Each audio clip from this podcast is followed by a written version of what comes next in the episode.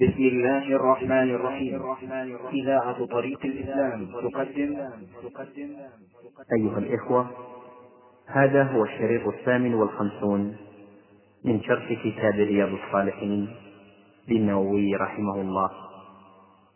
قال تعالى يا أيها الذين آمنوا من يرتد منكم عن دينه فسوف يأتي الله بقوم يحبهم ويحبونه. أذلة على المؤمنين أعزة على الكافرين.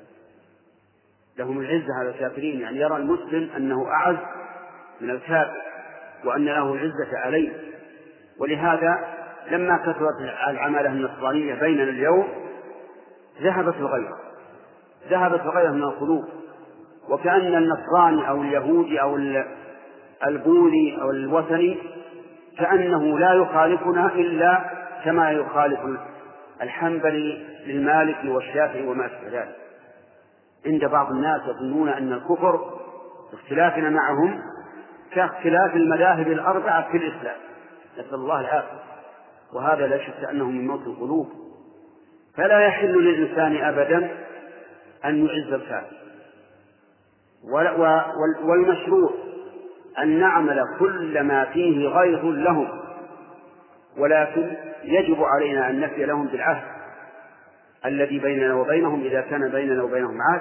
فمثلا العمال ولو كانوا نصارى أولا نقول لا تأتي بعمال نصارى للجزيرة العربية في الجزيرة العربية لأن الرسول صلى الله عليه وسلم قال لا لأخرجن اليهود والنصارى من جزيرة العرب. وأمر قال أخرجوا اليهود والنصارى من جزيرة العرب. وقال وهو في مرض موته أخرجوا المشركين من جزيرة العرب. فلا تأتي بكافر وأنت يمكنك أن تأتي أن تأتي بمسلم. وأما ما يعتقده من أمات الله قلبه والعياذ بالله أو ربما نقول أزاغ الله قلبه يقول أنا آتي بعمال كفار علشان ما يصلون إذا صلوا نقص العمل. علشان ما يصومون إذا صاموا نقص العمل. علشان ما يكون للعمرة أو الحج إذا راحوا نقص العمل. فهذا والعياذ بالله ممن اختار الدنيا على الآخرة. نسأل الله العافية. فالحاصل أنه لا يجوز أن نبدأ أي كافر بالسلام. لا يهود ولا نصراني ولا بوذ ولا وثن أي إنسان على غير الإسلام لا يجوز أن نبدأه بالسلام. قال وإذا لقيتموهم في طريق فاضطروهم إلى أضيقه يعني لا توسع لهم المجال لو لو كانوا جماعة جماعة جماعة مسلمين وجماعة كفار تلاقوا في الطريق لا لا تفتح المجال لهم. خل الضيق عليهم. ولو تفرقوا في, في الطريق. لأنك إذا فتحت الطريق لهم هذا إكرام. إذا لزيت للجدار مثلا أو ما أشبه ذلك هذا إكرام. لا لا تفتح لهم هذا. إذا لقيتموهم في طريق فاضطروهم إلى أضيقه لماذا نعاملهم هذه المعاملة؟ لأنهم أعداء لله قبل كل شيء وأعداء لنا. يا أيها الذين آمنوا لا تتخذوا عدوي وعدوكم أولياء. تلقون إليهم بالمودة وقد كفروا بما جاءكم من الحق. هم أعداء لله أولا وقبل كل شيء وثانيا أعداء لنا. وأفعالهم بالمسلمين سابقا ولاحقا وإلى اليوم تدل على ذلك على شدة عداوتهم للمسلمين. فلا يجوز أن نسلم عليهم. ولكن إذا سلموا ماذا نقول؟ قال النبي عليه الصلاة والسلام إذا سلموا عليكم فقولوا وعليكم. بس لا تزد على هذا. قل وعليكم. لماذا؟ لأنهم في عهد الرسول صلى الله عليه وعلى آله وسلم. يأتون يسلمون على المسلمين لكن سلام خفيف. يقولون السام عليكم. السام يعني الموت. هذا السام. فهم اللي يسمعهم يدغمون الكلمة يظن أنهم يقولون السلام عليكم. وهم يقولون السام عليكم يعني يعني الموت. شوف العداوة حتى التحية يدخلون فيها الشيء الضار. السلام عليكم. قال قولوا وعليكم بس. إذا كانوا قالوا السلام علينا فعليهم إيش؟ السلام. نقول وعليكم. اللي قالوا لنا عليه إن كانوا قالوا السلام فعليهم السلام. إن كانوا قالوا السلام فعليهم السلام. وهذا من العدل لأن الله قال وإذا حييتم بتحية فحيوا بأحسن منها أو ردوها. حيوا بأحسن منها أو ردوها. هذا عدل. ولهذا قال بعض العلماء إذا قال الكافر السلام عليك باللام الواضحة فقل عليك السلام. عليك السلام. ليش؟ لأنه زال الأمر الذي بنى عليه الرسول عليه الصلاة والسلام قوله قولوا وعليكم. كما في حديث ابن عمر في البخاري إنهم يقولون السلام عليكم فإذا سلموا فقولوا وعليكم. وهذه علة واضحة أن السبب نقول عليكم لأنهم يقولون السلام عليكم. أما إذا قالوا السلام بصراحة نقول عليكم السلام. لأن أقوم الناس بالعدل هم المسلمون والحمد لله. فإذا قالوا السلام عليكم نقول عليكم السلام. إذا قالوا أهلا وسهلا نقول أهلا وسهلا. إذا قالوا مرحبا نقول مرحبا.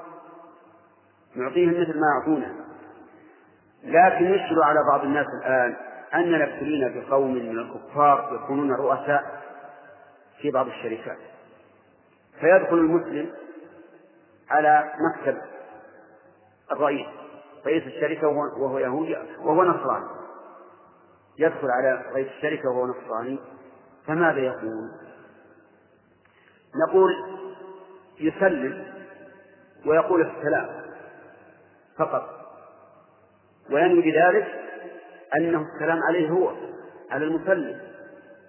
لأنك إذا حذفت المتعلق فإنه لا يدرى لمن هذا السلام السلام بس. على من؟ نعم. ما يعلم الكلام الآن؟ ما هو ما هو على فلان ولا على فلان. لكن تنويه أنت على نفسك. هذا إذا خفت من شره أنه يقول كيف يدخل علي ما سلم أما إذا لم تخف من شره وأنه رجل لا يبالي سلمت أو لم تسلم فإذا دخلت معك معاملة خذ هذه المعاملة كيف أعمل مثلا بدون سلام. لأن الرسول عليه الصلاة والسلام قال لا تبدأ اليهود والنصارى بالسلام. فلا أبدأ بالسلام لكن إذا خفت من شره فأقول السلام. بس. واختلف العلماء رحمهم الله هل يجوز أن يبدأهم بغير السلام مثل أن يقول مرحبا أهلا أو سهلا؟ فمنهم من قال لا بأس به التأليف ولا سيما من خاف منه من شره ومنهم من قال لا لأن هذا فيه تعظيم له. والإنسان في هذه الحال أهلا وسهلا ومرحبا وما أشبه ذلك ينظر ما تقتضيه الحاجة أو المصلحة. ثم ذكر المؤلف حديث إذا مر الإنسان بجمع فيهم مسلمون وكفار. هل يترك السلام لأن فيه كفارا أو يسلم لأن فيه مسلمين؟ اجتمع الآن سببان مبيح وحاضر. ما هو المبيح؟ المسلمون. إذا مررت بالمسلم سلم. حاضر الحاضر المانع الكفار. لكن هنا يمكن تشعير الحكم وإلا فإن القاعدة الشرعية أنه إذا اجتمع مبيح وحاضر وتعذر انفكاك أحدهما عن الآخر فإنه يغلب جانب الحظر أي المنع. لكن هنا يمكن الانفكاك. تسلم وتنوي على من؟ على المسلمين. يعني مريت بجماعة فيهم كفار ومسلمون تقول السلام عليكم وتنوي بقلبك يعني على المسلمين لأن النبي صلى الله عليه وعلى آله وسلم مر في مجلس فيه أقاط من المشركين واليهود وفيهم مسلمون فسلم عليه. والله موفق. مثلها مثلها. مثل أهلا وسهلا فيها الخلاف. كيف حالك؟ ربما نقول كيف حالك؟ يعني ودك انه يصير مريض.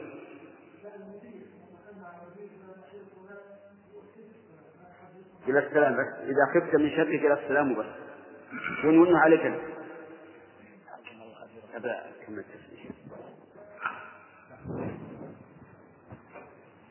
الله الرحمن الرحيم. ختم المؤلف رحمه الله كتاب السلام وآدابه بهذا الحديث حديث أبي هريرة رضي الله عنه. في الرجل إذا جاء إلى المجلس ثم قام منه. ومن المعلوم أن الإنسان إذا دخل على قوم فإنه يسلم عليه كما سبق. والسلام سنة مؤكدة ورده فرض. فرض عين على من سلم عليه. وإذا كانوا جماعة فهو فرض كفاية. إذا قام به من يكفي سقط عن الباقين. لكن إذا كانوا جماعة وكان من المعلوم أن المسلم يريد بالقصد الأول واحدا منهم. وجب على هذا الواحد أن يرد مثلا لو كانوا طلبة معهم معلمة والذي دخل وسلم يريد بالقصد الأول نفس المعلم فإنه يجب على المعلم أن يرد. ولا يكفي ولا يكفي رد الجماعة التلاميذ مثلا. وكذلك لو كان أمير مع مع رجاله وشرطته فدخل إنسان وسلم فإنه من المعلوم أن المقصود بالقصد الأول هو الأمير فيجب عليه أن يرد. أما إذا كان جماعة متساوين ولم يعلم أن أحدا منهم هو المقصود بالقصد الأول فإنه إذا سلم إذا رد واحد منهم السلام كفى لأن رد السلام فرض كفاية. وأما درس اليوم فهو في الرجل إذا دخل على المسجد. فإنه يسلم فإذا أراد أن ينصرف وقام وفارق المجلس فإنه يسلم. لأن النبي صلى الله عليه وسلم أمر بذلك وقال ليست الأولى بأحق من الثانية. يعني فكما أنك إذا دخلت تسلم فإذا فارقت فسلم. ولهذا إذا دخل الإنسان المسجد سلم على النبي صلى الله عليه وعلى آله وسلم. وإذا خرج سلم عليه أيضا. وإذا دخل مكة بعمرة أو حج بدأ بالطواف. وإذا فارق مكة وخرج ختم بالطواف. لأنها الطواف تحية مكة لمن دخل بحج أو عمرة. وكذلك وداع مكة لمن أتى بحج أو عمرة ثم سافر وهذا من من كمال الشريعة أنها جعلت المبتدأ والمنتهى على حد سواء في مثل هذه الأمور. والشريعة كما نعلم جميعا من لدن حكيم خبير. كما قال تعالى كتاب أحكمت آياته ثم فصلت من لدن حكيم خبير فتجدها كلها متناسقة متصاحبة ليس فيها تناقض ولا تفريق حتى أن الرسول عليه الصلاة والسلام نهى أن يمشي الرجل بنعل واحد. يعني مثلا لا تمشي بنعل واحد ولو لإصلاح الأخرى. امشي بالنعلين جميعا. لماذا؟ لأنك إذا خصصت إحدى القدمين بالنعل صار في ذلك جو وعدم عدل. فأنت ترى الآن أن الشريعة الإسلامية جاءت بالعدل في كل شيء. إن الله يأمر بالعدل والإحسان وإيتاء ذي القربى وينهى عن الفحشاء والمنكر والبغي. يعظكم لعلكم تذكرون. والله موفق.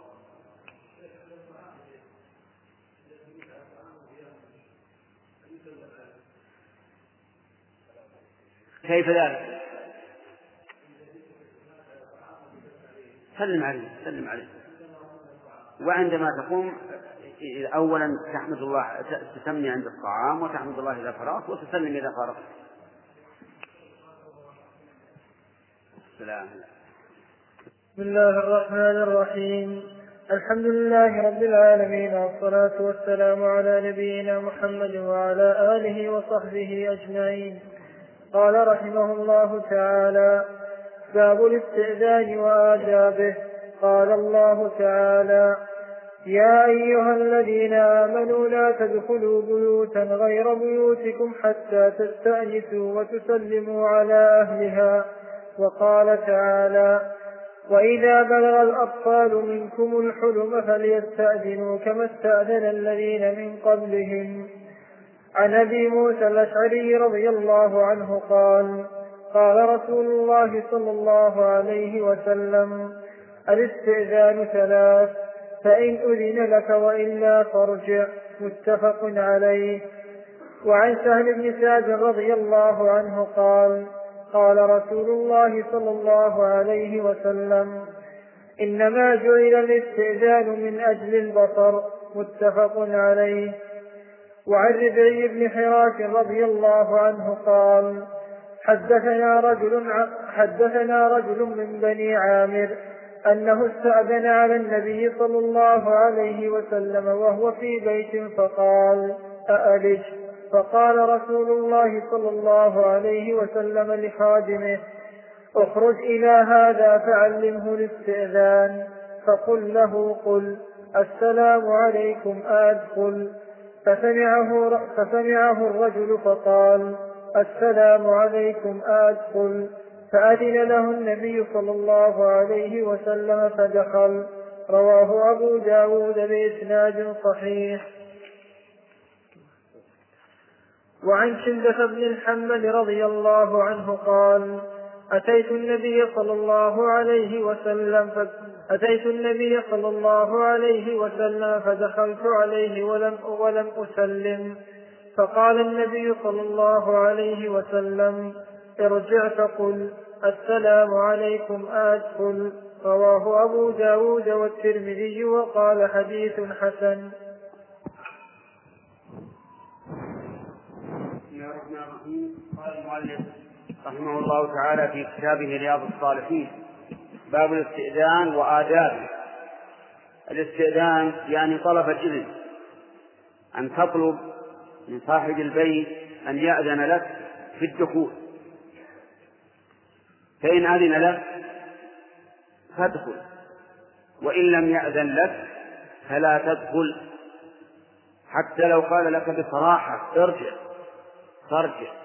كما قال الله تعالى وإذا قيل ارجعوا فارجعوا هو أزكى لكم.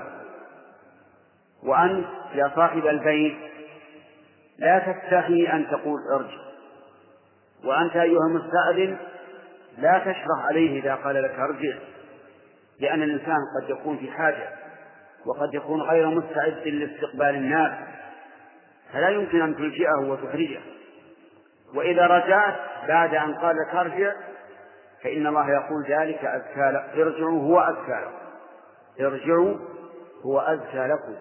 أي أزكى لقلوبكم وأطهر وذكر المؤلف رحمه الله آيتين من كتاب الله. الآية الأولى سبق الكلام عليها. وهي قوله تبارك وتعالى يا أيها الذين آمنوا لا تدخلوا بيوتا غير بيوتكم حتى تستأنسوا وتسلموا على أهلها. وقلنا إن معنى الاستئناس يعني أن تستأذنوا أو أن تعلموا علم اليقين أن صاحبكم مستعد للدخول أي لدخوله. ومن ذلك إذا وعدك الإنسان. قال لك مثلا ائتني بعد صلاة الظهر. فإذا وجدت الباب مفتوحا فهو إذن.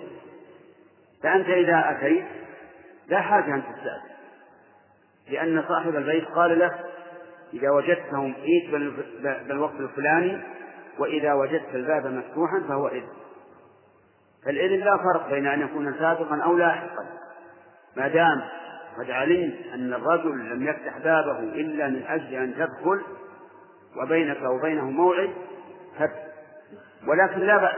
بل الأولى بلا شك أن تسلم عند الدخول لو لم يكن في ذلك إلا أن تحصل أجر السلام وثواب السلام والدعاء من أخيك حيث يقول لك عليك السلام. أما الآية الثانية فهي قوله تعالى وإذا بلغ الأطفال منكم الحلم فليستأذنوا كما استأذن الذين من قبل إذا بلغ الحلم يعني بلغوا في الإنزال لكن كني عنه بالحلم لأن الغالب أن الإنسان لا يخرج منه المني أول ما يخرج إلا في الاحتلام وإن كان بعض الناس يبلغ بدون احتلام لكن الغالب أنه يحتلم فإذا بلغ الطفل الحلم فإنه لا يدخل البيت إلا باستئذان أما قبل ذلك فأمره هين. لكن هناك ثلاث عورات لا بد من الاستئذان فيها. يا أيها الذين آمنوا ليستأذنكم الذين ملكت أيمانكم والذين لم يبلغوا الحلم منكم ثلاث مرات. الأولى من قبل صلاة الفجر والثانية وحين تضعون ثيابكم من الظهيرة والثالثة ومن بعد صلاة العشاء. هذه لا بد من الاستئذان حتى الصغار لا بد أن يستأذن لأن الإنسان في هذه الأوقات الثلاث قد يكون متهيئ للنوم وعليه جاب لا لا يحب أن يطلع عليه أحد. فلذلك لا بد من الاستئذان في هذه الساعات الثلاث. وأما بالنسبة للنظر لنظر الطفل للمرأة فليس مقيدا بالبلوغ بل هو مقيد فيما إذا عرف من الطفل أنه ينظر إلى المرأة نظر شهوة. فإذا علم ولو لم يكن له إلا عشر سنوات فإنه يجب عليها أن تحتجب عنه. لأن الله قال وقل للمؤمنات يغضضن من أبصارهن ويحفظن فروجهن ولا يبدين زينتهن إلا لبعولتهن يعني أزواجهن.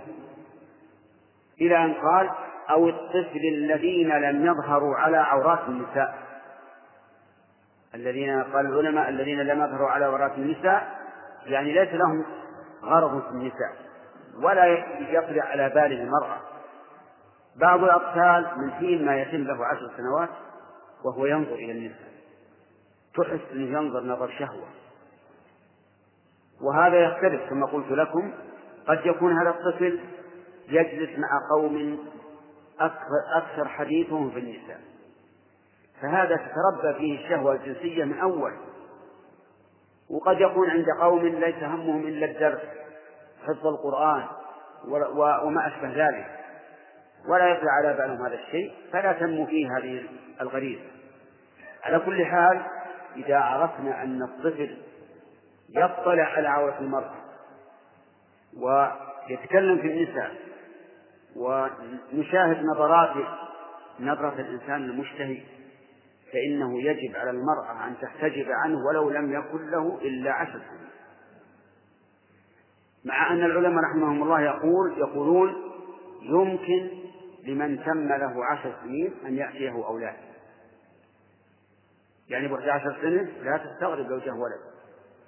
إذا تزوج وجامع زوجة لا تستغرب. ويذكر أن عمرو بن العاص ليس بينه وبين أبيه عبد الله إلا إحدى عشرة سنة. يعني أبوها أكبر منذ بعشر سنين. ويمكن هذا. وقال الشافعي رحمه الله رأيت جدة لها إحدى وعشرون سنة. كل جدة. عندنا واحد وعشرين ما تزوجت حتى الآن. لكن هذه جدة. جاء بنت وجاي بنتها ولد لها إحدى وعشرون سنة. لأن المرأة يمكن أن تبلغ تسع سنوات. يعني يمكن تحيض ولها تسع سنوات. فإذا قدرنا أنها تزوجت ولها تسع سنوات يعني في العاشرة وحملت في أول سنة وأتت ببنت ثم إن البنت لما تم لها ست سنوات تزوجت في العاشرة. كم معنى؟ عشرون سنة. يأتيها ولد في الحادي والعشرين. والشافعي رحمه الله صدوق. يقول رأيت جدة لها إحدى وعشرون سنة. والحاصل أنه إذا بلغ الطفل والحلم فلا يدخل البيت إلا باستئذان.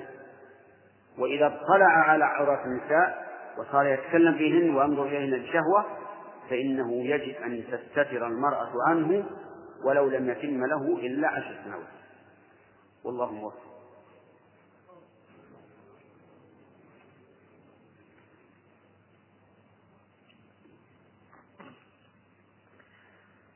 بسم الله الرحمن الرحيم. الحمد لله رب العالمين والصلاة والسلام على نبينا محمد وعلى آله وصحبه أجمعين.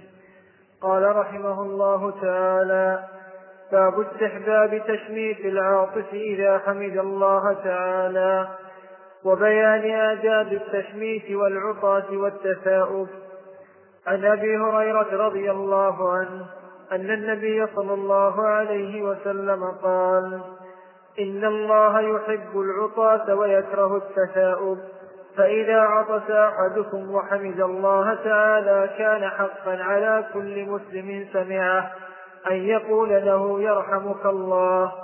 وأما التثاؤب فإنما هو من الشيطان فإذا تثاءب أحدكم فليرده ما استطاع.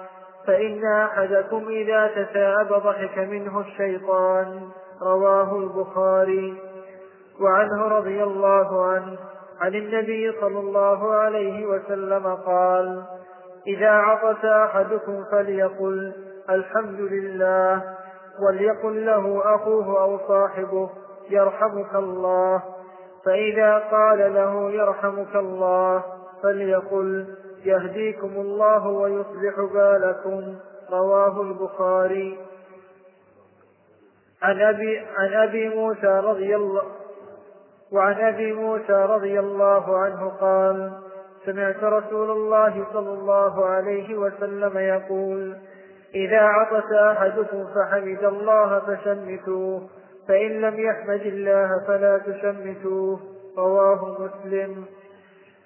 وعن أنس رضي الله عنه قال عطس رجلان عند النبي صلى الله عليه وسلم فشمت أحدهما ولم يش فشمت أحدهما ولم يشمت الآخر فقال الذي لم يشمت عطس فلان فشمته وعطست فلم تشمتني. فقال هذا حمد الله وإنك لم تحمد الله. متفق عليه.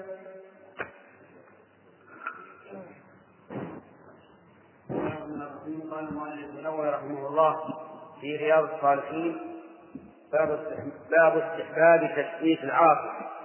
إذا حمد الله وبيان آداب العطاة والتثاؤب العطاة من الله عز وجل يحبه الله كما في حديث أبي هريرة رضي الله عنه أن النبي صلى الله عليه وسلم قال إن الله يحب العطاة والسبب في ذلك أن العطاة يدل على النشاط والخفة ولهذا تجد الإنسان إذا عطس نشط والله سبحانه وتعالى يحب الإنسان النشيط الجاد وفي الصحيح عن النبي صلى الله عليه وعلى آله وسلم أنه قال المؤمن القوي أحب إلى الله من المؤمن الضعيف.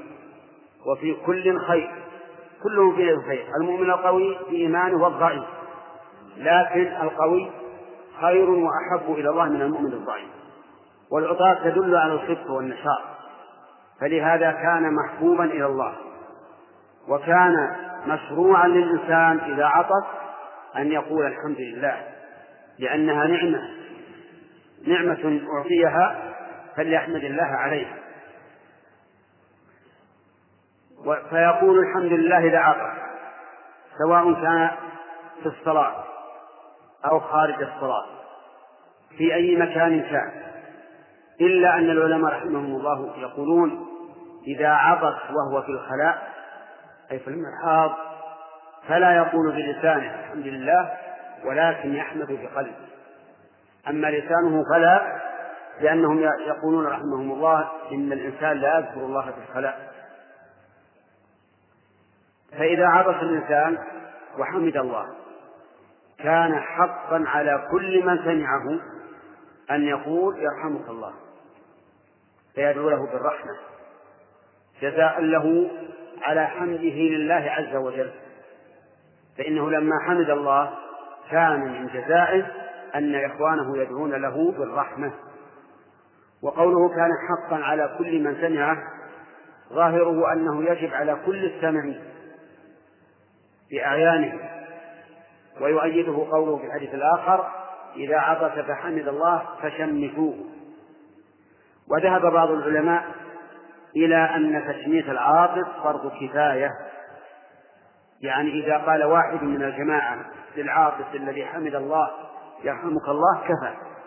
لكن الاحتياط أن أن يشمته أن يدعو أن يدعو أن يدعو له بالرحمة كل من سمعه كما جاء في الحديث. وأما التثاؤب فإنه من الشيطان. ولهذا كان الله كان الله يكرهه. ليه؟ لماذا؟ لأن التثاؤب يدل على الكسل. ولهذا يكثر التثاؤب في من كان فيه نوم. والذي فيه النوم معروف أنه كسلان. فمن أجل أنه يدل على الكسل كان الله تعالى يكرهه. ولكن إذا تثاءب فالأولى أن يرده أن يرد التثاؤب ويكذب يكفن ويتصبر. قال العلماء وإذا أردت أن تكرمه فعض على كفتك السفلى. ها؟ لكن طبعا لا تعض عضا شديدا فتنقطع. لكن لأجل أن أن تضمها حتى لا ينفتح الفم. فالمهم أن تكظم سواء بهذه الطريقة أو غيرها. فإن عجزت عن الكظم تضع يدك على فمك. هكذا. ضعها على الفم.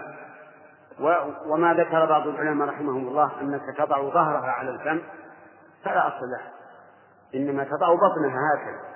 تسد تسد الفم والسبب في ذلك لأن الإنسان إذا تثاءب ضحك الشيطان. ضحك الشيطان منه لأنه يعرف أن هذا يدل على كسله وعلى فتوره والشيطان يحب من بني آدم أن يكون كسورا. كثورا أعاذنا الله وإياكم منه. ويكره الإنسان النشيط الجاد الذي يكون دائما في حزم وقوة ونشاط. فإذا فإذا جاءك التثاؤب فإن قدرت على أن تكرمه وتمنعه فهذا هو السنة والأفضل.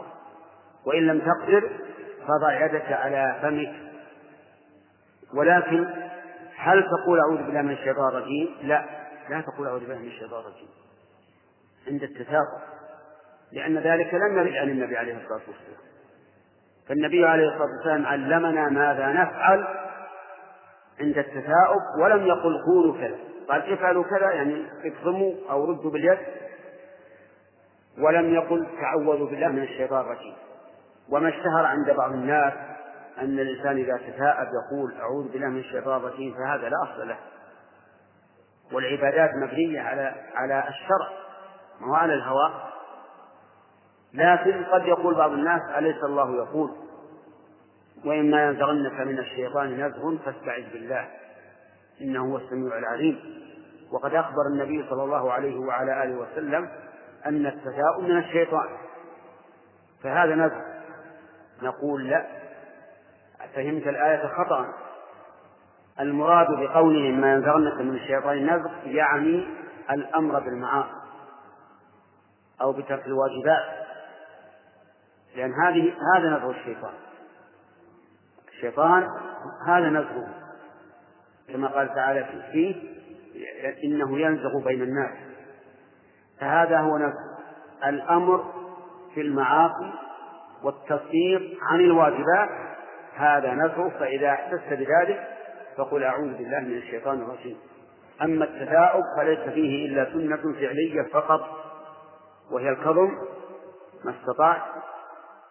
فإن لم تقدر فضع يدك على فمك. ومن آداب العطاة أنه ينبغي للإنسان إذا عطس أن يضع ثوبه أو غترته على وجهه هكذا. قال أهل العلم وفي ذلك حكمتان. الحكمة الأولى أنه قد يخرج مع هذا العطاس أمراض. تنتشر على من حوله. والثاني أنه قد يخرج من أنفه شيء مستقدر تتقزز النفوس منه. فإذا غطى وجهه هكذا صار في ذلك خير. ولكن لا تفعل ما يفعله بعض الناس تضع يدك على أنفك عند العطاس هذا خطأ. لأن هذا يحد من خروج الريح التي تخرج من الفم عند العطاس وربما يكون في هذا ضرر عليه. وفي هذه الأحاديث التي ذكر المؤلف دليل على أن من عطس ولم يقل الحمد لله فإنه لا يقال له يرحمك الله. لأن النبي صلى الله عليه وسلم عطس عنده رجلان. أحدهما قال له الرسول صلى الله عليه وعلى آله وسلم يرحمك الله والثاني لم يقل له ذلك. فقال الذي لم يقل له ذلك يا رسول الله عطس فلان. فقلت له يرحمك الله وعطست فلم تقل لي ذلك. قال إنه حمد الله ولم تحمد الله. وعلى هذا فإذا عطس إنسان ولا حمد ما نقول يرحمك الله. ولكن هل نذكره؟ هل نذكره؟ نقول قل الحمد لله. لا. الحديث هذا يدل على أنك لا تذكر. لأن الرسول ما ما قال إذا عطس ولم يحمد الله فذكروه.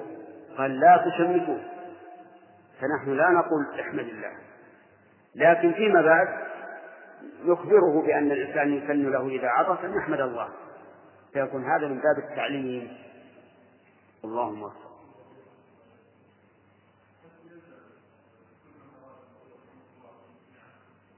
أي نعم. لابد أن يسمع. لأنه الكاف هذه للخطاب الخطاب لابد أن يكون مسموعا آه طيب بقينا بالعابس إذا قيل رحمه الله يقول يهديكم الله ويصلح بالكم. يهديكم الله ويصلح بالكم أن يصلح شأنكم. فتدعو له بالهداية وإصلاح الشأن. ويقول بعض العامة إذا جاوب يقول يهدينا ويهديكم الله. وهذا خلاف المشروع المشروع أن تقول يهديكم الله ويصلح بالكم. والله موفق.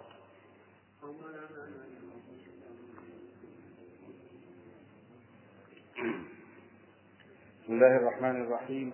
الحمد لله رب العالمين. وصلى الله وسلم على نبينا محمد وعلى آله وصحبه. نقل المؤلف رحمه الله تعالى عن أبي هريرة رضي الله عنه قال كان رسول الله صلى الله عليه وسلم إذا عطس وضع يده أو ثوبه على فيه وخفض أو غض غض بها صوته شك الراوي رواه أبو داود والترمذي وقال حديث حسن صحيح. وعن أبي موسى رضي الله عنه قال كان اليهود يتعاطفون عند رسول الله صلى الله عليه وسلم يرجون أن يقول لهم يرحمكم الله فيقول يهديكم الله ويصلح بالكم. رواه أبو داود والترمذي وقال حديث حسن صحيح. وعن أبي سعيد الخدري رضي الله عنه قال قال رسول الله صلى الله عليه وسلم إذا تثاءب أحدكم فليمسك بيده فليمسك بيده على فيه فإن الشيطان يدخل. رواه مسلم.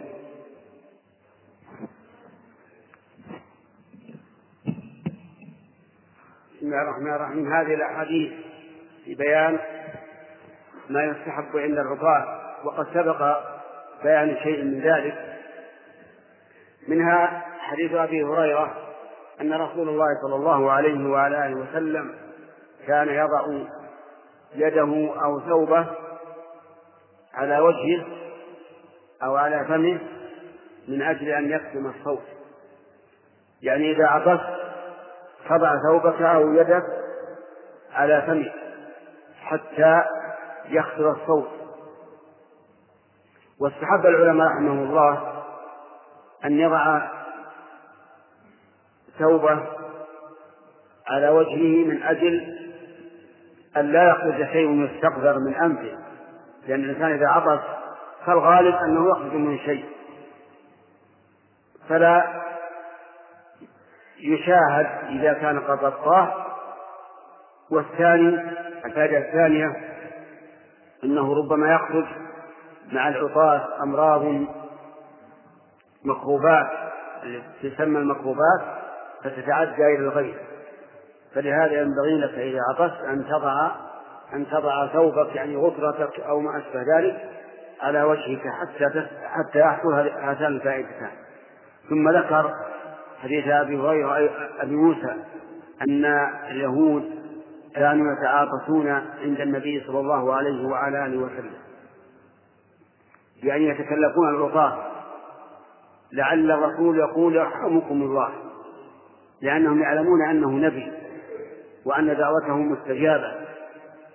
فيعطسون عنده لأجل أن يقول يرحمكم الله.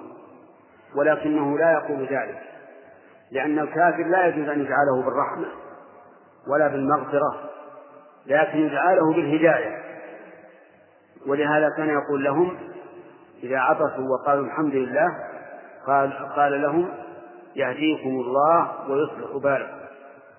فإذا عطس كافر عندك وقال الحمد لله لا تقل يرحمك الله قل يهديكم الله ويصلح بالكم. كما كان النبي صلى الله عليه وعلى آله وسلم يفعل ذلك.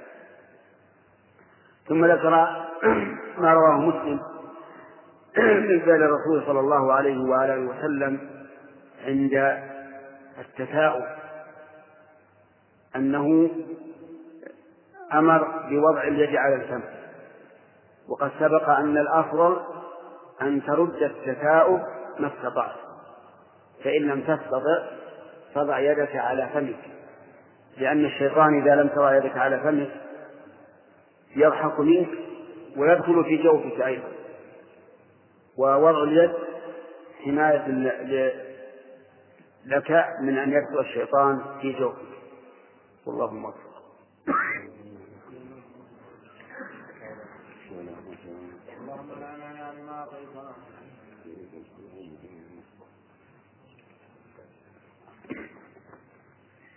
بسم الله الرحمن الرحيم.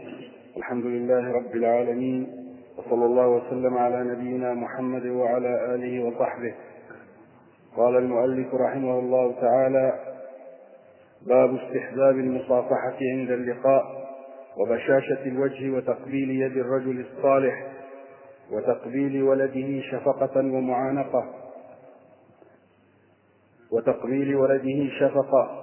ومعانقة القادم من سفر وكراهية الانحناء. عن أبي الخطاب قتادة قال قلت لأنس أكانت المصافحة في أصحاب رسول الله صلى الله عليه وسلم؟ قال نعم رواه البخاري. وعن أنس رضي الله عنه قال لما جاء أهل اليمن لما جاء أهل اليمن قال رسول الله صلى الله عليه وسلم قد جاءكم أهل اليمن وهم أول من جاء بالمصافحة. رواه أبو داود بإسناد صحيح. وعن البراء رضي الله عنه قال قال رسول الله صلى الله عليه وسلم ما من مسلمين يلتقيان فيتصافحان إلا غفر لهما قبل أن يفترقا. رواه أبو داود. وعن أنس رضي الله عنه قال قال رجل يا رسول الله الرجل منا يلقى أخاه أو صديقه أينحني له؟ قال لا. قال أفيلتزمه ويقبله؟ قال لا. قال فيأخذ بيده ويصافحه؟ قال نعم. رواه الترمذي وقال حديث حسن.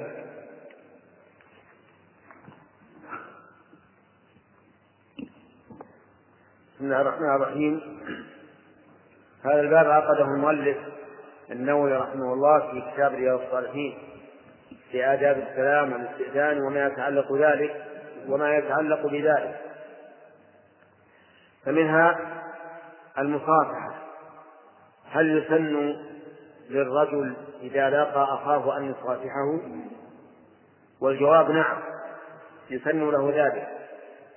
لأن ذلك لأن هذا من من آداب الصحابة رضي الله عنهم. كما سأل قتادة أنس بن مالك رضي الله عنه هل كانت المصافحة في أصحاب النبي صلى الله عليه وعلى آله وسلم؟ قال نعم. فيصافحه باليد اليمنى وإذا حصل ذلك فإنه يغفر لهما قبل أن يفترقا.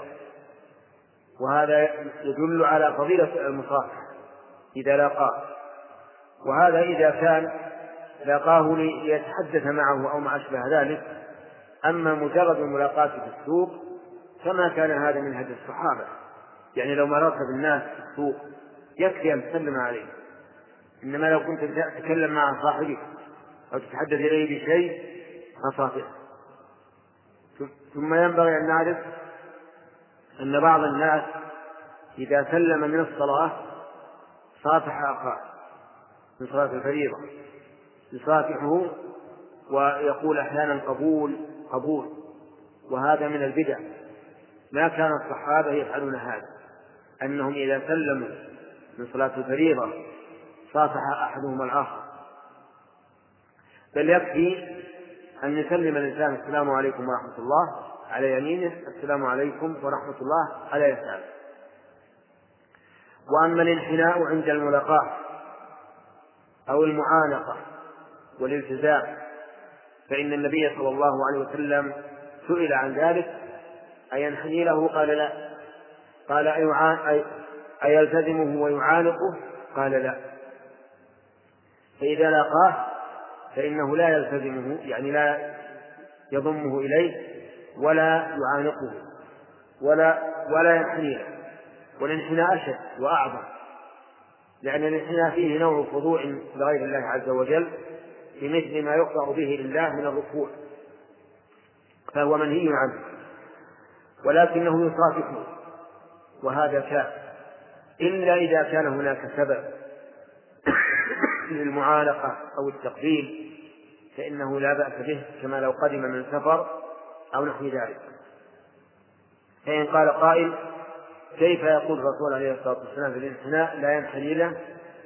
مع قول الله تعالى في إخوة يوسف لما دخلوا على يوسف آوى إليه طويه وقال ادخلوا مصر إن شاء الله آمنين ورفع أبويه على العرش وخروا له سجدا فالجواب عن هذا أن هذا من شريعة سابقة.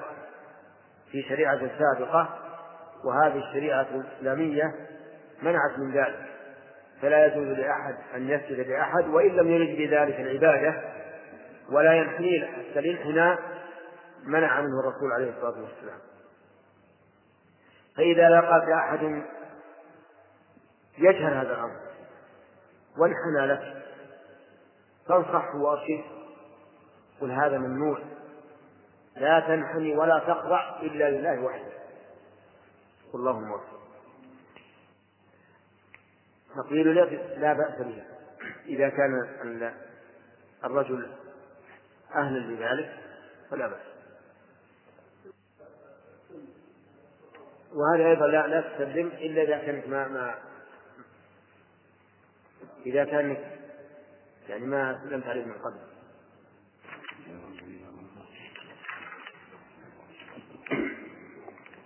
بسم الله الرحمن الرحيم.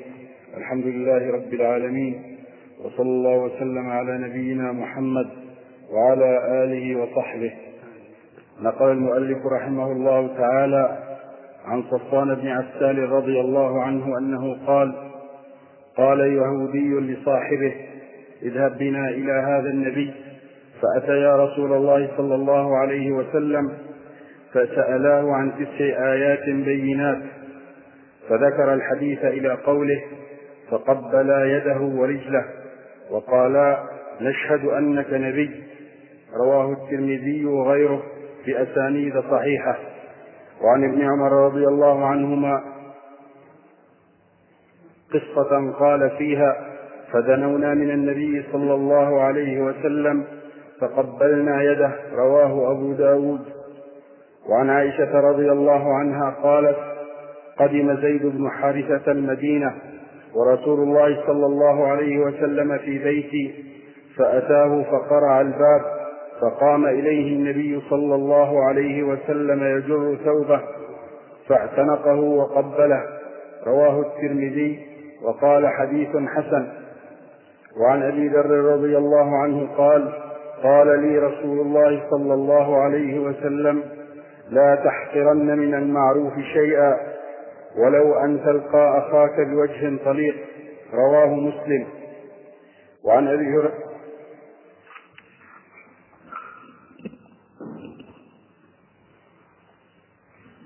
بسم الله الرحمن الرحيم. هذه أحاديث ذكرها النووي رحمه الله في رياض الصالحين في آداب المصافحة والمعانقة وما يتعلق بذلك. منها حديث صفوان بن عسال رضي الله عنه أن رجلا يهوديا قال لصاحبه اذهب بنا إلى هذا الرجل. يعني يعني النبي صلى الله عليه وعلى آله وسلم. فذهب إليه وأخبراه وذكر النبي صلى الله عليه وسلم تسع آيات فقبل يده ورجله وقال نشهد أنك نبي. واليهود كانوا في المدينة وكان أصلهم من مصر من بني إسرائيل. ثم انتقلوا إلى الشام إلى الأرض المقدسة التي قال لهم نبيهم موسى عليه الصلاة والسلام ادخلوا الأرض المقدسة التي كتب الله لكم. وكانوا يقرؤون في التوراة أن أنه سيبعث نبي في آخر الزمان وأنه سيكون من مكة ومهاجره المدينة. فهاجر كثير منهم من الشام إلى المدينة ينتظرون النبي صلى الله عليه وعلى آله وسلم ليتبعوه لأنه قد نوه عن فضله في التوراة والإنجيل. عن فضل النبي صلى الله عليه وسلم. فقد قال الله تعالى الذين يتبعون الرسول النبي الأمي الذي يجدونه مكتوبا عندهم في التوراة والإنجيل يأمرهم بالمعروف وينهاهم عن المنكر ويحل لهم الطيبات ويحرم عليهم الخبائث ويضع عنهم إصرهم والأغلال التي كانت عليهم. وكانوا إذا جرى بينهم وبين المشركين شيء يستفتحون على الذين كفروا. يقولون سيبعث هذا النبي ونتبعه ويفتح علينا به ونغلبكم. كما قال تعالى وكانوا يستفتحون وكانوا من قبل يستفتحون على الذين كفروا. فلما جاءهم ما عرفوا كفروا به. ثم إنهم صاروا ثلاث قبائل اليهود في المدينة بنو قينقاع وبنو النضير وبنو قريظة. وعاهدهم النبي عليه الصلاة والسلام لما قدم المدينة وكلهم نقضوا العهد. فطردوا من المدينة. آخرهم بنو قريظة قتل منهم نحو سبعمائة نفر لما خانوا العهد في يوم الأحزاب. وانتقلوا إلى خيبر وفتحها النبي عليه الصلاة والسلام. وأبقاهم فيها لأنهم أصحاب مزارع يعرفون الحرث والزرع والصحابة مشتغلون عن ذلك بما هو أهم. فعاملهم النبي عليه الصلاة والسلام قال لهم أبقون في محلكم في خيبر على أن لكم نصف الثمر والزرع وللمسلمين نصف. ونقركم في ذلك ما شاء الله. وبقوا في عهد الرسول عليه الصلاة والسلام في خيبر وفي عهد أبي بكر. ولما تولى عمر حصل منهم خيانة لأن اليهود معروفون بالخيانة والغدر حصل منهم خيانة فأجلاهم عمر رضي الله عنه من خيبر في السنة السادسة عشر إلى أدرعاء في الشام. هذا أصل وجود اليهود في الجزيرة العربية. كانوا ينتظرون النبي صلى الله عليه وعلى آله وسلم ولكنهم والعياذ بالله لما جاء وبعث ورأوه عين اليقين كفروا. ولعلهم كانوا بالأول يظنون أنه من بني إسرائيل. أن هذا النبي من بني إسرائيل. هكذا قال بعض العلماء ولكن لما تبين أنه من بني إسماعيل حسدوه حسدوا بني إسماعيل وكفروا. ولكن لا يتبين لي هذا لأن الله يقول يعرفونه كما يعرفون أبناءهم. فهم يعرفون أنه من العرب من بني إسماعيل. لكن والعياذ بالله فرق بين علم اليقين وعين اليقين. هم كانوا بالأول يظنون أنه إذا بعث يتبعونه بسهولة ولكنهم حسدوه والعياذ بالله. المهم أن هذين الرجلين قبل يد النبي صلى الله عليه وسلم ورجله فأقرهما على ذلك. ففي هذا جواز تقبيل اليد والرجل للإنسان الكبير للشرف والعلم وكذلك تقبيل اليد والرجل من الأب والأم وما أشبه ذلك لأن لهما حقا. وهذا من التواضع. وذكر المؤلف أيضا حديث ابن عمر رضي الله عنهما قال أتينا النبي صلى الله عليه وسلم فقبلنا يده وأقرهم على ذلك. وتقبيل اليد كتقبيل الرأس ليس بينهما فرق. لكن عجبا أن الناس الآن يستنكرون تقبيل اليد أكثر مما يستنكرون تقبيل الرأس وهو لا فرق بينهم. لكن ال- الذي ينتقد من بعض الناس أنه إذا سلم عليه أحد مد يده إليه. كأنه يقول إيش؟ كأنه يقول قبل يد هذا هو ال- الذي يستنكر ويقال للإنسان لا تفعل. أما أناس يقبلون يدك تعظيما وت- وتبجيلا أو أو رأسك أو جبهتك فهذا لا بأس به. إلا أنه لا يكون هذا في كل مرة يلقاه لأنه سبق أن الرسول سئل عن ذلك. هل إذا لاقى الرجل أخاه أينحني له؟ قال لا. قال أيقبل ويعانقه قال لا. قال أيقاطعه قال نعم. لكن إذا كان لسبب فلا بأس. كقدوم الغائب. ولهذا ذكر المؤلف رحمه الله حديث عائشة في قدوم زيد بن حارثة. حين جاء إلى النبي عليه الصلاة والسلام واستأذن فقام الرسول عليه الصلاة والسلام إليه. يجر ثوبه. وزيد بن حارثة مولى مولى للرسول عليه الصلاة والسلام. يعني كان عبدا مملوكا للرسول عليه الصلاة والسلام. أهدته إليه خديجة رضي الله عنها فأعتقه. ولكن الرسول كان يحبه عليه الصلاة والسلام ويحب ابنه أسامة. ولهذا يسمى أسامة حب رسول الله ابن ابن حب رسول الله. فهو محبوب إلى رسول الله وابنه أسامة كذلك. المهم أن الرسول قام يجر رداءه أو ثوبه فعانقه وقبله لأن زيد بن حارثة رضي الله عنه كان قادما من سفر فإذا كان عند القدوم من السفر فهذا لا بأس به. أما كلما لاقاك يقبلك فهذا نهى عنه الرسول عليه الصلاة والسلام. كذلك أيضا أوصى النبي عليه الصلاة والسلام أن الإنسان لا يحقر من المعروف شيئا يعني المعروف والإحسان إلى الناس لا تحقر شيئا منه أبدا. لا تقل هذا قليل. لا تحقر شيئا. لو تعطيه قلما أو ساعة من من ساعات عشرة ريالات أو ما أشبه ذلك لا تحقر شيء. ترى هذا يذكرها الإنسان ولو بعد حين. يقول هذا الرجل أهدى علي سنة كذا وكذا كذا وكذا. لو تعطيه مسواك لا تحقر شيء. كل شيء يجب المودة والمحبة بين الناس لا تحقره ولهذا قال الرسول عليه الصلاة والسلام لا تحقرن من المعروف شيئا ولو أن تلقى أخاك بوجه طليق. إلى الحد تلقى أخاك بوجه طليق يعني غير معبر لكن أحيانا يغلبنا يعني عدم التوسع في هذا الأمر ربما نلقى بعض الناس في وجه عبوس لسبب أو لآخر. قد يكون هناك أسباب خفية. يكون الإنسان مثلا متأثرا فيها والناس لا يعلمون. فلا يحصل أن يلقى الناس دائما بوجه طليق إنما حاول أن تلقى إخوانك بوجه طليق منشرح لأن هذا من المعروف. وسبب المودة والمحبة.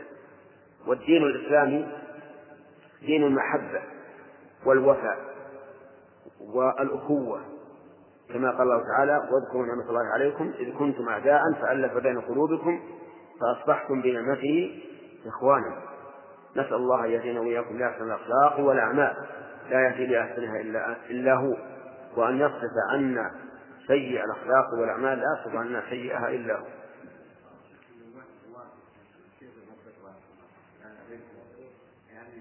مو لازم تقبل رجله لكن لو فعلت فلا بأس به. بس الواقف لا لا تقبل شوف مو لازم لكن جاء مثلا أو ما رجليه لا لا. وهو مو لازم مو لا ليس بلازم. استغفر الله. بسم الله الرحمن الرحيم. الحمد لله رب العالمين. وصلى الله وسلم على نبينا محمد وعلى آله وصحبه. نقل المؤلف رحمه الله تعالى عن أبي هريرة رضي الله عنه أنه قال قبل النبي صلى الله عليه وسلم الحسن بن علي رضي الله عنهما فقال الأقرع بن حابس إن لي عشرة من الولد ما قبلت منهم أحدا. فقال رسول الله صلى الله عليه وسلم من لا يرحم لا يرحم. متفق عليه.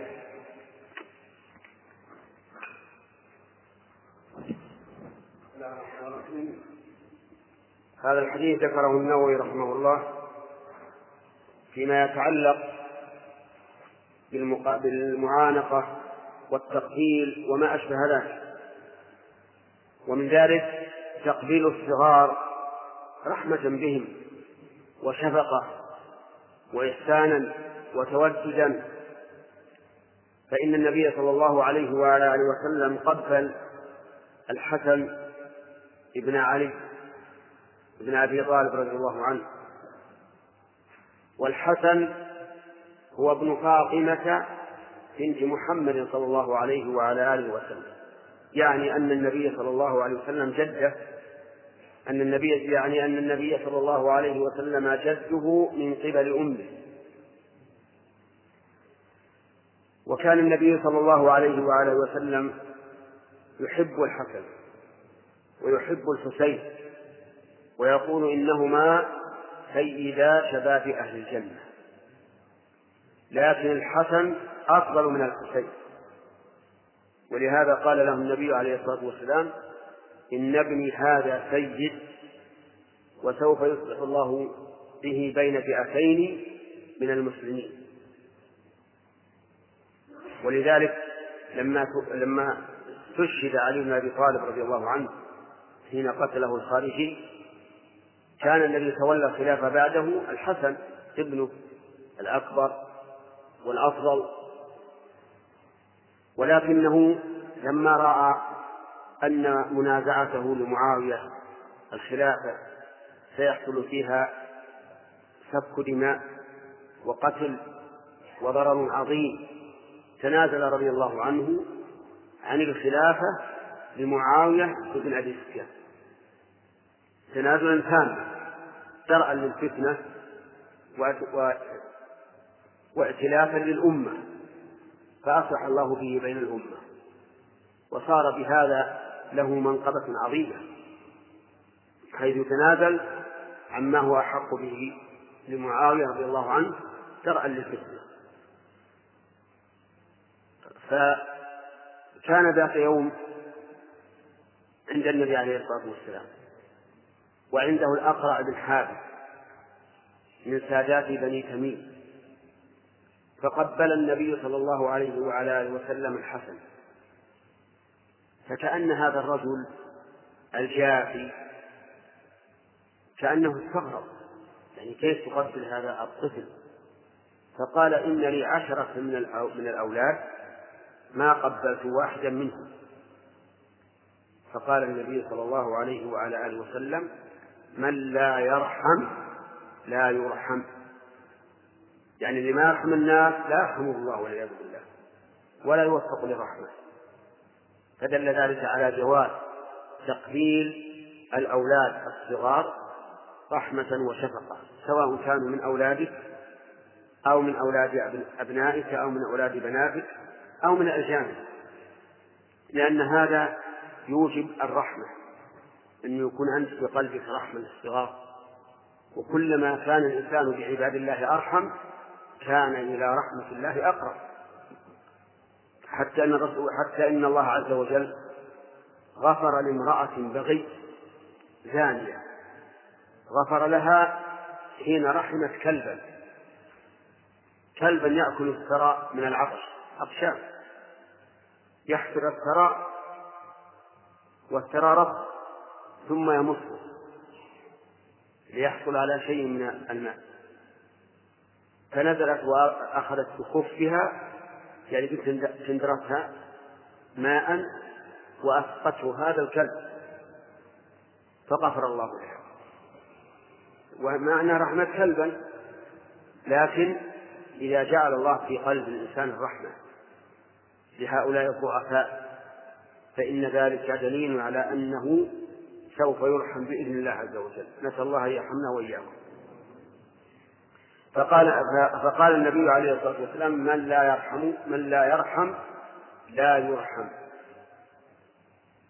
فدل ذلك على أنه ينبغي للإنسان أن يجعل قلبه لينا عطوفا رحيما. خلاف ما يفعله بعض الجفاة من الناس. حتى إن أن حتى إنه إذا دخل الصبي عليه وهو في القهوة انتهر ونذر. ارجع ارجع لا تجي الرجال لا تجي. هذا غلط. ارحم الصبيان خلهم يأتون وإذا أساءوا الأدب علمهم.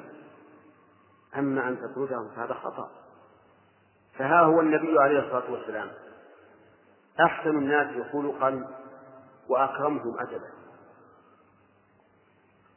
جاء يوم من جاء يوم من الأيام وهو ساجد يصلي بالناس. فأتى الحسن بن علي بن أبي طالب فركب عليه وهو ساجد كما يفعل الصبيان. يركبون على واحد يعني يجرون بعيرا له. وتأخر السجود. فكأن الصحابة تعجبوا ليش تأخر؟ فقال إن ابني ارتحل لي يعني جعلني راحلة له. وإني أحببت أن لا أقوم حتى يقضي نعمته هذه من الرحمة.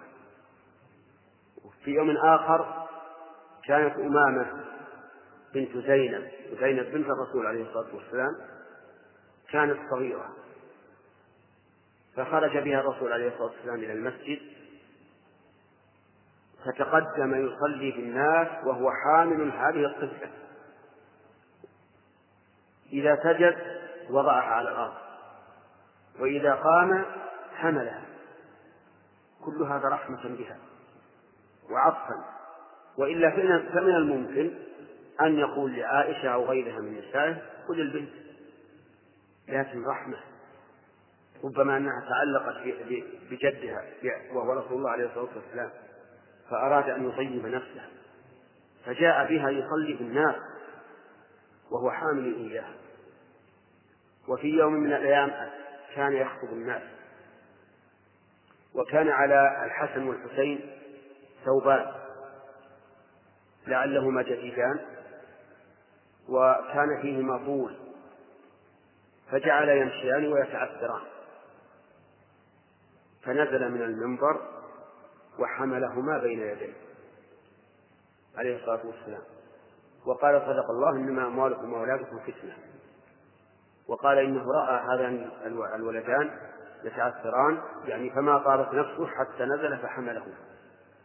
فالمهم أن, أن الذي ينبغي لنا أن نعود أنفسنا على رحمة الصبيان وعلى رحمة كل من يستحق الرحمة من اليتامى والفقراء والعاجزين وغيرهم وأن نجعل في قلوبنا رحمة ليكون ذلك سببا لرحمة الله إياه لأننا نحن أيضا محتاجون إلى رحمة الله.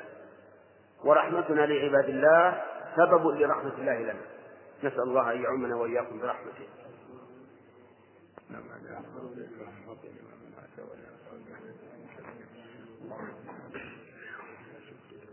وعلى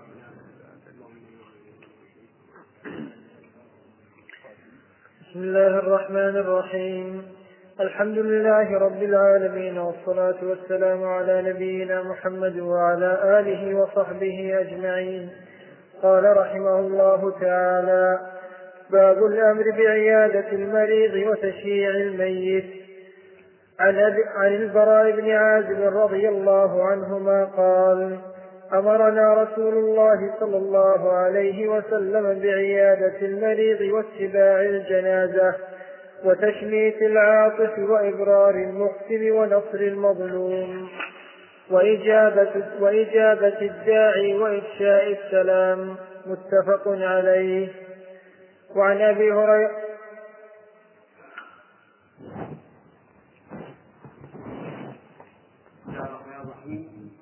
الحمد لله رب العالمين. وصلى الله وسلم على نبينا محمد وعلى آله وأصحابه ومن تبعهم بإحسان إلى يوم الدين. سبق لنا في رياض الصالحين لمؤلفه النووي رحمه الله عدة أبواب مفيدة وكلها تتعلق بالأحياء. ثم ذكر رحمه الله في هذا الباب حكم عيادة المريض وتشييع الجنائز عيادة المريض ذهب بعض العلماء إلى أنها فرض كفاية فإذا لم يقم بها أحد فإنه يجب على من علم في حال المريض أن يعود لأن النبي صلى الله عليه وعلى آله وسلم جعل ذلك من حقوق المسلم على أخيه. ولا يليق بالمسلمين أن يعلموا أن أخاهم فلانا مريض ولا يعوده أحد منهم لأن هذه قطيعة وأي قطيعة. وهذا القول هو الراجح. أن عيادة المرضى فرض كفاية. ومن المعلوم أن غالب المرضى يعودهم أقاربهم وأصحابهم وتحصل بذلك الكفاية. لكن لو علمنا أن أحدا أجنبي في البلد مريض ليس معروفا. وتعلم أنه لم يعده أحد فإن الواجب عليك أن تعوده لأن ذلك من حقوق المسلمين بعضهم على بعض.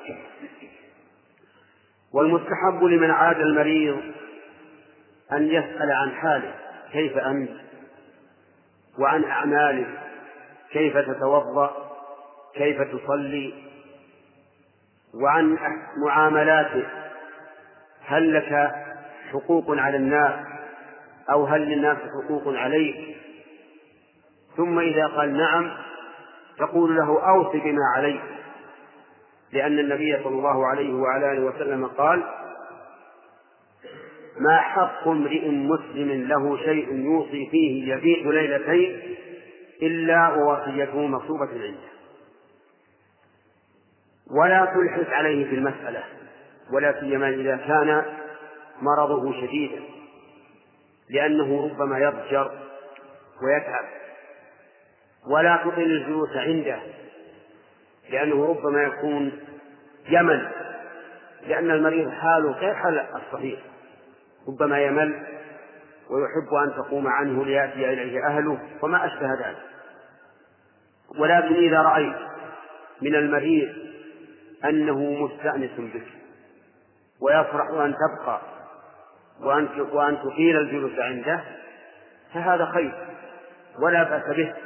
وهذا ربما يكون سببا في شفائه لأن من أسباب الشفاء إدخال السرور على المريض.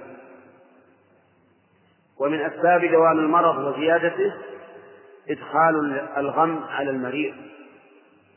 فمثلا لو جئت المريض وقلت والله اليوم اليوم أنت أحسن من أمس. حتى وإن لم يكن أحسن من جهة الطيب والمرض لا تكون أحسن من أمس لأنك زدت خيرا. ما بين أمس واليوم صلى خمس صلوات استغفر كبر هلل كذلك زاد أجره بالمرض. فتقول أنت أحسن من أمس؟ يعني باعتبار أنك كسبت خيرا في بقائك ما بين أمس واليوم. حتى يدخل عليه السوء. أما أن تقول والله اليوم أشرك شيء أمس أحسن من اليوم. هذا غلط. حتى لو كان الأمر كذلك لأن هذا لا ينفع. إن لم يضر لم ينفع. لكن أدخل عليه السرور ما استطعت. كذلك إذا كان الرجل ممن يحب القصص لأن بعض الناس يحب القصص يعني التي سميها الناس تواليف وهي حق. من ما يكذب ورأيت أن تدخل عليه السرور. في القصص فهذا أيضا جيد طيب. لأن من المهم إدخال السرور على المريض. وإذا أردت أن تقوم واستأذنته فقلت تأذن لي. فإن هذا أيضا مما يسره. لأنه ربما يكون يود أن تبقى فيقول لا ابقى أو يقول المحل محلل فهو إذا قال المحل محلل يعني أنه أذن له. لكن قد يكون يحب أن تبقى. ثم احرص غاية الحرص على أن توجهه إلى فعل الخير وقول الخير في هذا المرض. تقول قد قد يقدر الله المرض على الإنسان خير ويكون خيرا له. يتفرغ للذكر يتفرغ للدعاء يتفرغ لقراءة القرآن. وما أشبه ذلك تنبهه على على فعل هذا الخير لعله ينتبه ويكون لك أنت أجر السبب. نسأل الله تعالى أن يجعلنا وإياكم مباركين أينما كنا.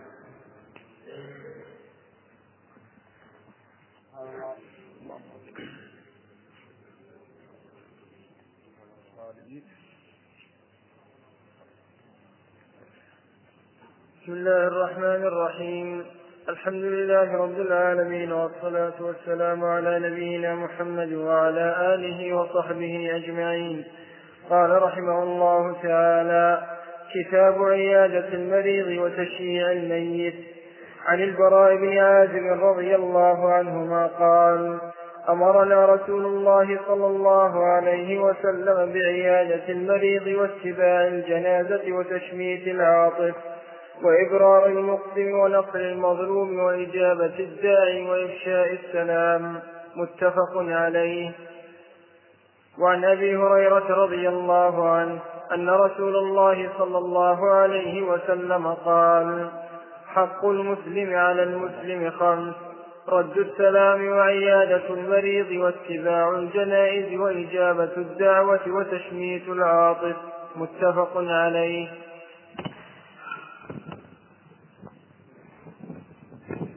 بسم الله الرحمن الرحيم. قال المؤلف النووي رحمه الله في كتابه رياض الصالحين كتاب عيادة المريض وتشييع الجنازة.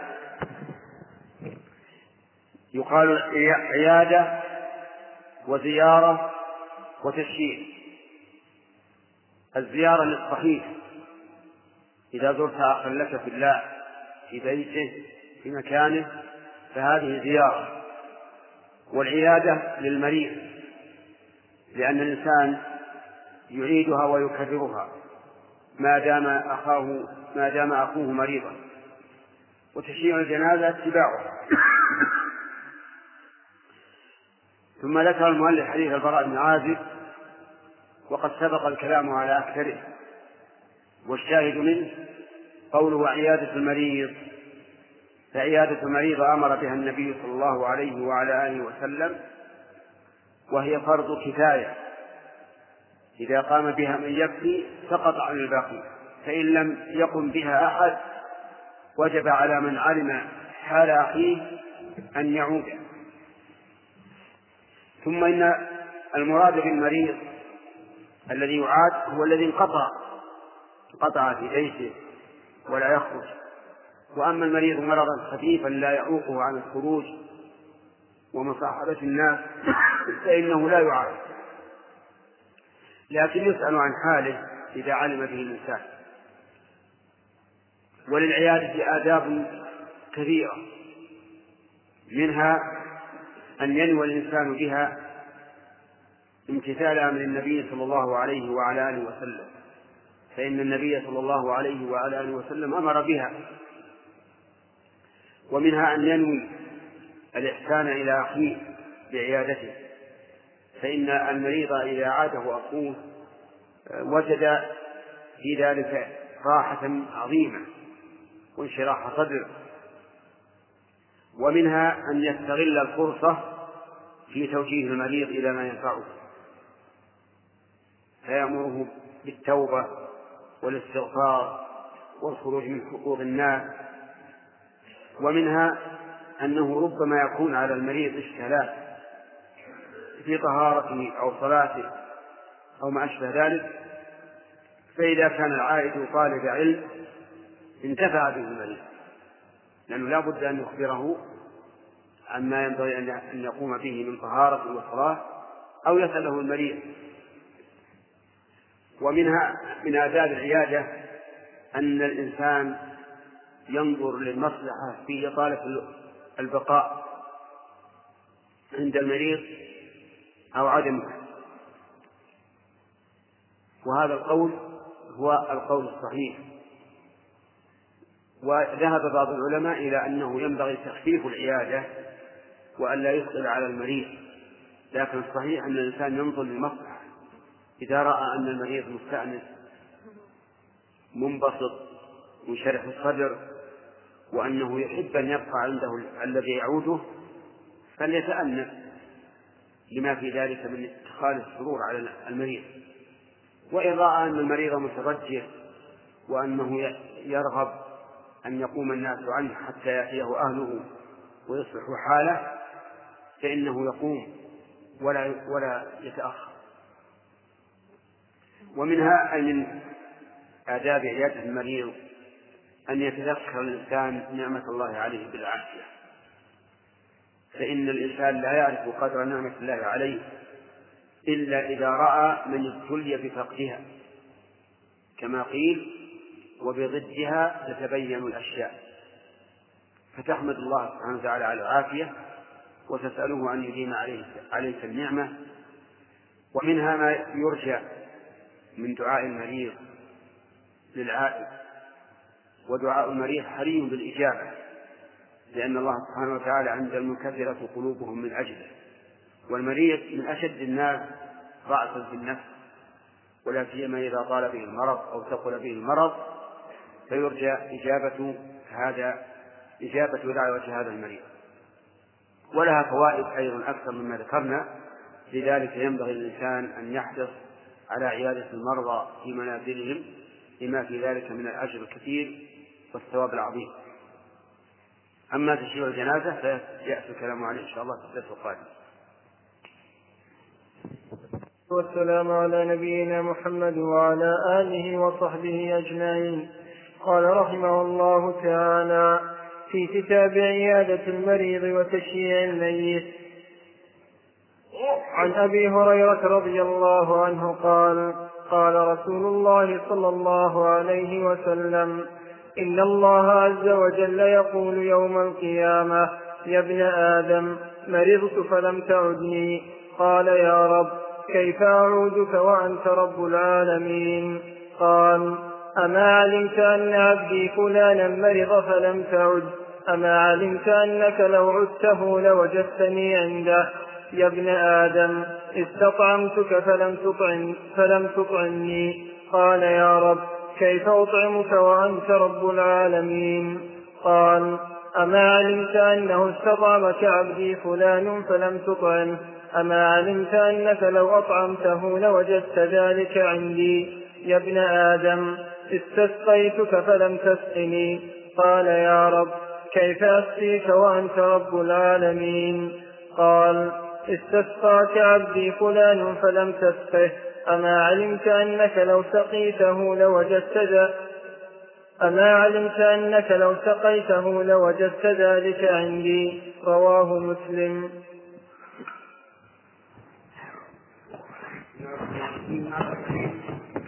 الذي ذكره النووي رحمه الله في رياض الصالحين في باب عيادة المريض وتشييع الميت. عن أبي هريرة رضي الله عنه أن النبي صلى الله عليه وسلم قال يقول الله تعالى يوم القيامة يا ابن آدم مرضت فلم تعدني رحمك الله. مرضت فلم تعدني قال كيف أعودك وأنت رب العالمين؟ يعني وأنت لست بحاجة إلي حتى أعود. قال أما علمت أن عبدي فلانا مرض فلم تعد. أما إنك لو عدت لوجدتني عنده. هذا الحديث ليس فيه إشكال في قوله تعالى مرضت فلم تعد لأن الله سبحانه وتعالى يستحيل عليه المرض فإن المرض صفة نقص والله سبحانه وتعالى منزه عن كل نقص. قال الله تبارك وتعالى سبحان ربك رب العزة عما يصفون. لكن المراد بالمرض مرض عبد من عباده الصالحين وأولياء الله سبحانه وتعالى هم خاصته. ولهذا جاء في الحديث الصحيح القدسي أيضا من عادى لي وليا فقد آذنته بالحرب. يعني الذي عادي أولياء الله محارب لله عز وجل مع أنه وإن كان لم يعاد الله على زعمه لكنه إذا عاد أولياءه فقد عاداه وحاربه. كذلك إذا مرض عبد من عباد الله الصالحين فإن فإن الله سبحانه وتعالى يكون عنده. ولهذا قال أما إنك لو عدت لوجدتني عنده. ولم يقل لوجدت ذلك عندي كما قال في الطعام والشراب بل قال لوجدتني عنده. وهذا يدل على قرب المريض من الله عز وجل. ولهذا قال العلماء إن المريض حري بإجابة الدعاء إذا دعا لشخص. أو دعا لشخص ففي هذا دليل على استحباب عيادة المريض وأن الله سبحانه وتعالى عند المريض وعند من عاده بقوله لوجدتني عنده وقد سبق لنا كيف تكون عيادة المريض وماذا ينبغي أن يقول له العائد ويوصيه, ويوصيه به. يا ابن آدم استطعمتك فلم تطعمني. يعني طلبت منك طعاما فلم تطعمني.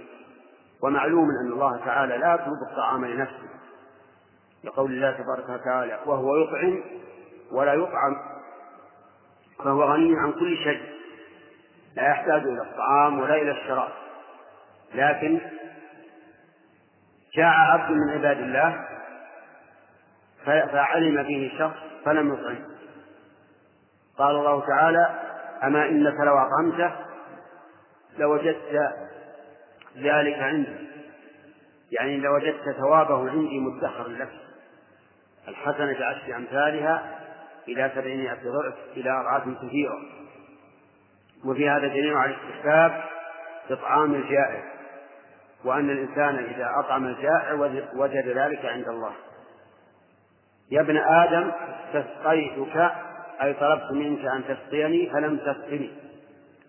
قال كيف أسقيك وأنت رب العالمين؟ يعني لست في حاجة إلى طعام ولا شراب.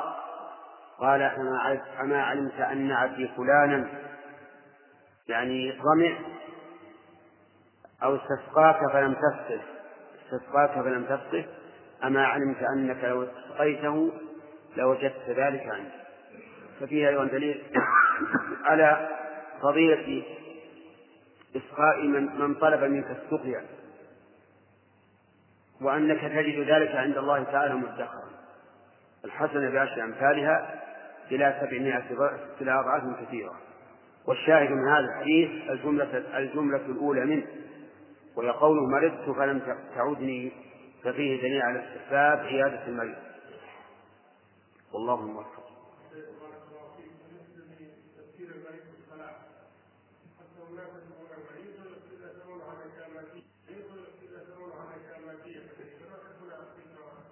ذكرنا بالأمس ذكرنا بالأمس أنه ينبغي للإنسان إذا عاد مريض أن يسأله عن حاله وعن طهارته ماذا يفعل بالطهارة وماذا يفعل بالصلاة ويعلمه كيف يتطهر وكيف يصلي وأيضا ينبغي له أن يذكره بأن يعمر أوقاته بالذكر والاستغفار وقراءة القرآن وأنه إذا كان له وصية يريد أن يوصي فليكتبها.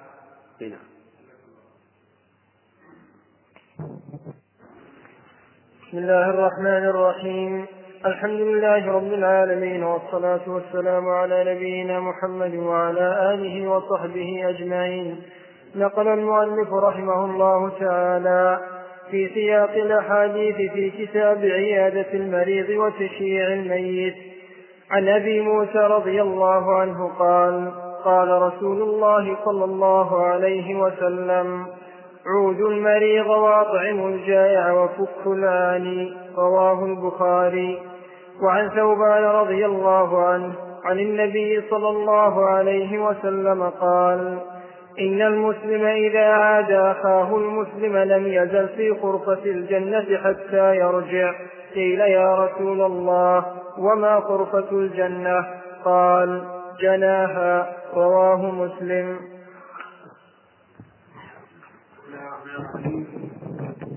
ذكر المؤلف رحمه الله في كتاب رياض الصالحين في باب عيادة المريض وتشييع الميت. عن أبي موسى الأشعري رضي الله عنه أن النبي صلى الله عليه وعلى آله وسلم قال فك الع... فك الاسير فك العاني يعني الاسير وأطعم الجائع وعود المريض. هذه ثلاثة أشياء أمر بها النبي صلى الله عليه وعلى آله وسلم. اولا عيادة المريض وقد سبق أن عيادة المريض فرض كفاية يجب على المسلمين أن يعودوا مرضاهم. فإذا لم يقم أحد بذلك وجب على من علم بالمريض أن يعوده. لأن ذلك من حق المسلم على إخوانه. أما الثاني فقال أطعموا الجائع. فإذا وجدنا إنسانا جائعا وجب علينا جميعا أن نطعمه وإطعامه فرض كفاية. إذا قام به من يكفي سقط عن البقين فإن لم يقم به أحد تعين على من علم بحاله أن يطعمه. وكذلك أيضا كسوة العاري إذا وجدنا شخصا عاريا فإن الواجب على المسلمين أن يكسوه. وهو فرض كفاية إذا قام به من يكفي سقط عن الباقين. وفك العاني يعني الأسير. يعني فك الأسير الذي عند الكفار من الأسر. فإذا اختطف الكفار رجلا مسلما وجب علينا أن نفك أسره وكذلك لو أسروه في حرب بينه وبين المسلمين فإنه يجب علينا أن نفك أسره وفك أسره فرض كفاية. إذا قام به من يكفر سقط عن الباقين وإلا أثم الجميع ثم ذكر حديث ثوبان رضي الله عنه أن النبي صلى الله عليه وسلم قال إذا عاد المسلم أخاه المسلم يعني في مرضه فإنه لا يزال في غرفة الجنة. قيل وما غرفة الجنة؟ قال جناح. يعني أنه يجني من ثمار الجنة مدة دوامه جالسا عند هذا المريض. وقد سبق أن الجلوس عند المريض يختلف باختلاف الأحوال والأشخاص. فقد يكون الجلوس عند المريض مطلوبا وقد يكون غير مطلوب فإذا علمنا أن المريض يأنس بهذا الرجل وأنه يحب أن يتأخر عنده فالأفضل أن يتأخر. وإذا علمنا أن المريض يحب أن يخفف العائد وأن يرجع يقوم من يقوم من عنده فإنه لا يتأخر. فلكل مقام مقال. وفي هذا الحديث الثاني دليل على فضل عيادة المريض. كلنا يحب أن أن يختلف من ثمار الجنة وهذا من أسبابها والله موفق. معروف. يقول لا بأس فهو إن شاء الله وما أشبه. الحمد لله رب العالمين والصلاة والسلام على نبينا محمد وعلى آله وصحبه أجمعين. نقل المؤلف رحمه الله تعالى في سياق الأحاديث في كتاب عيادة المريض وتشييع الميت. عن علي رضي الله عنه قال سمعت رسول الله صلى الله عليه وسلم يقول ما من مسلم يعود مسلما غدوة إلا صلى عليه سبعون ألف ملك حتى يمسي وإن عاده عشية إلا صلى عليه سبعون ألف ملك حتى يصبح وكان له فريق في الجنة. رواه الترمذي وقال حديث حسن. وعن أنس رضي الله عنه قال كان غلام يهودي يخدم النبي صلى الله عليه وسلم فمرض فأتاه النبي صلى الله عليه وسلم يعوده. فقعد عند رأسه فقال له أسلم. فنظر إلى أبيه وهو عنده فقال أطع أبا القاسم فأسلم. فخرج النبي صلى الله عليه وسلم وهو يقول الحمد لله الذي أنقذه من النار. رواه البخاري. بسم الله الرحمن الرحيم. نقل النووي رحمه الله في كتابه رياض الصالحين في باب عيادة المريض وتشييع الميت. عن علي بن أبي طالب رضي الله عنه أنه سمع النبي صلى الله عليه وسلم يقول ما من مسلم يعود مسلما غدوة إلا صلى عليه سبعون ألف ملك حتى يمسي وكذلك إن عاده في المساء صلى عليه سبعون ألف ملك حتى يصبح وكان في خرفة الجنة. هذا الحديث له شاهد مما سبق أن الإنسان إذا عاد أخاه فهو في خرفة الجنة يعني في جناه وأما استغفار الملائكة له فهذا فيه نظر لأنه فضل الله واسع. مع تحيات إخوانكم بإذاعة طريق الإسلام والسلام عليكم ورحمة الله وبركاته.